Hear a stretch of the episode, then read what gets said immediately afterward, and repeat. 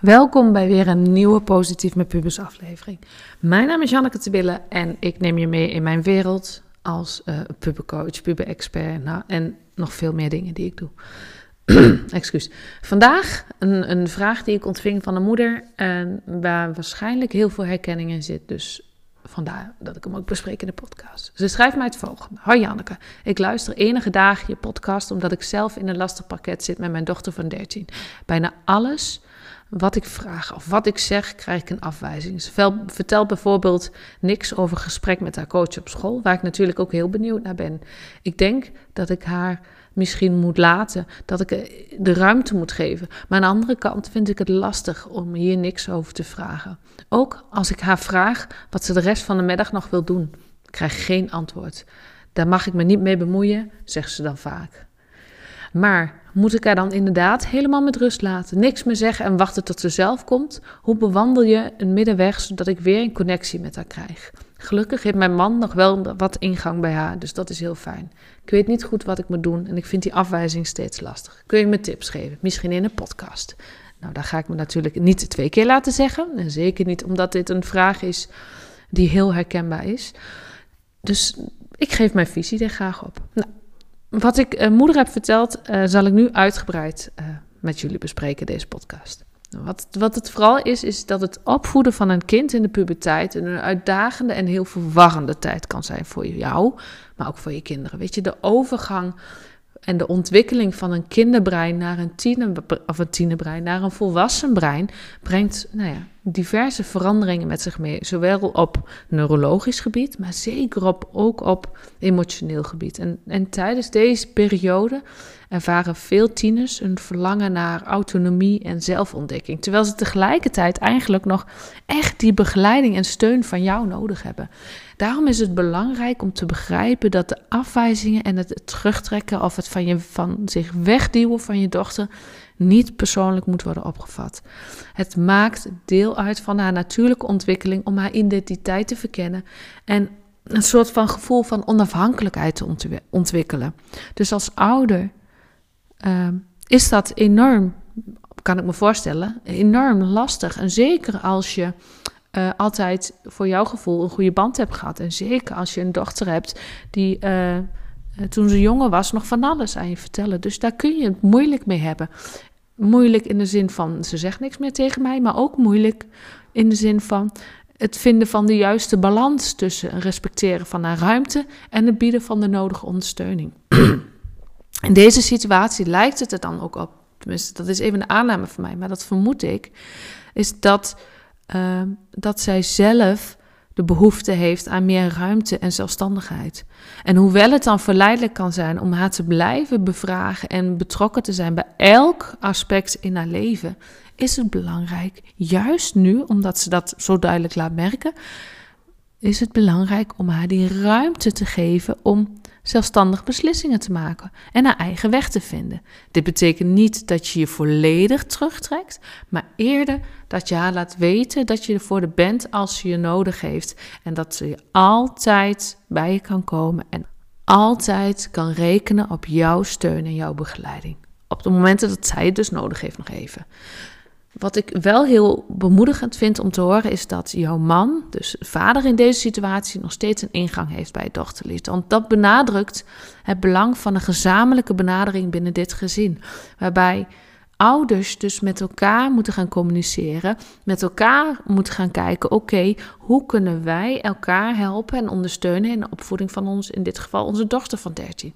Dus probeer daar samen uh, gesprekken over te hebben. Hoe jullie dat aanpakken.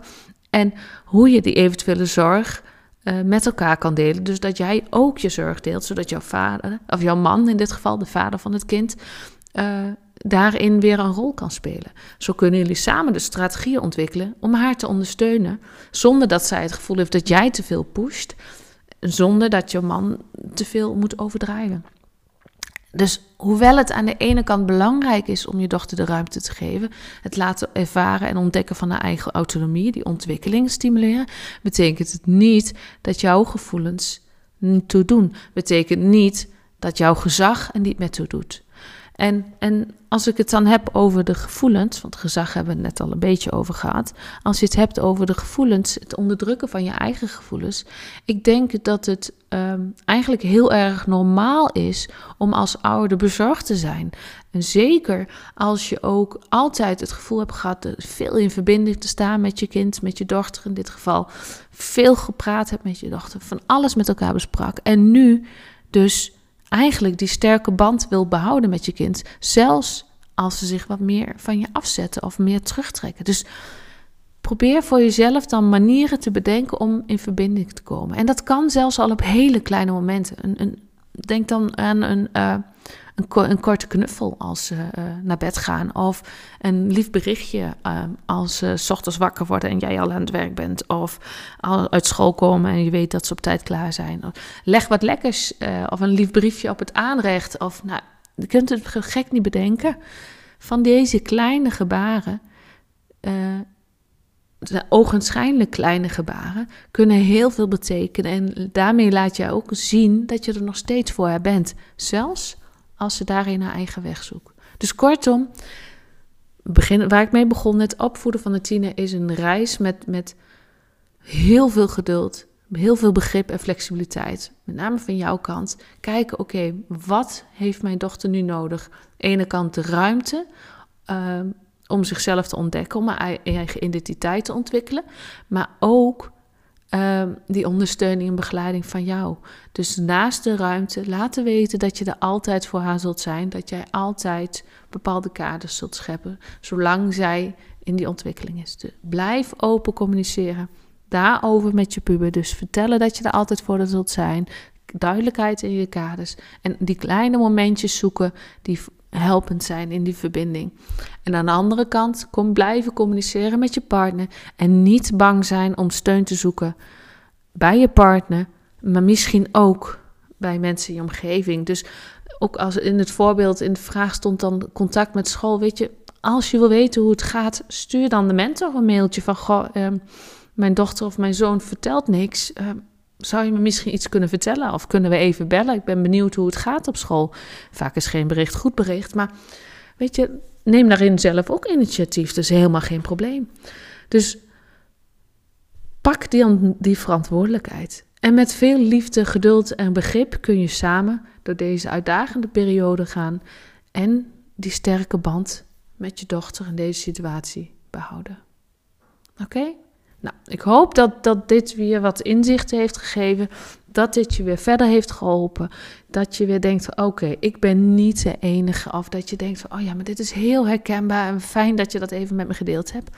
Dat soort dingen, ik hoor dat heel erg graag. Want daardoor weet ik: oké, weet je, met mijn podcast ben ik echt jou aan het helpen. Om die inzichten te geven, om die ideeën te geven. Om je verder te helpen, je meer vertrouwen te geven, rust te geven, nou, whatever. Ik hoor dat heel graag, want dan weet ik dat ik goed bezig ben. Wil je dus reageren of heb je een suggestie voor de podcast of heb je zelf een keer een vraag? Dat mag natuurlijk. Als je me even opzoekt op Instagram of welk social media kanaal waar ik actief ben, stuur me een berichtje en dan hebben we even contact. Dan gaan we even sparren met elkaar of uh, ik beantwoord jouw vraag. Wanneer je deze podcast waardevol vond, deel hem dan op je social media kanaal of met iemand die je wat aan heeft of waarvan jij denkt dat hij je wat aan heeft. Zodat jij mij helpt om deze podcast groter te maken, meer bereikbaar te maken voor alle ouders die struggelen met soortgelijke problemen als die van jou. Dus samen kunnen wij het leven van andere ouders en dat van andere pubers wat positiever maken. Maar daar heb ik jouw hulp wel bij nodig. Dank je wel voor alles wat al voor mij gedaan hebt. Dank je wel voor het luisteren. En heel graag tot de volgende keer.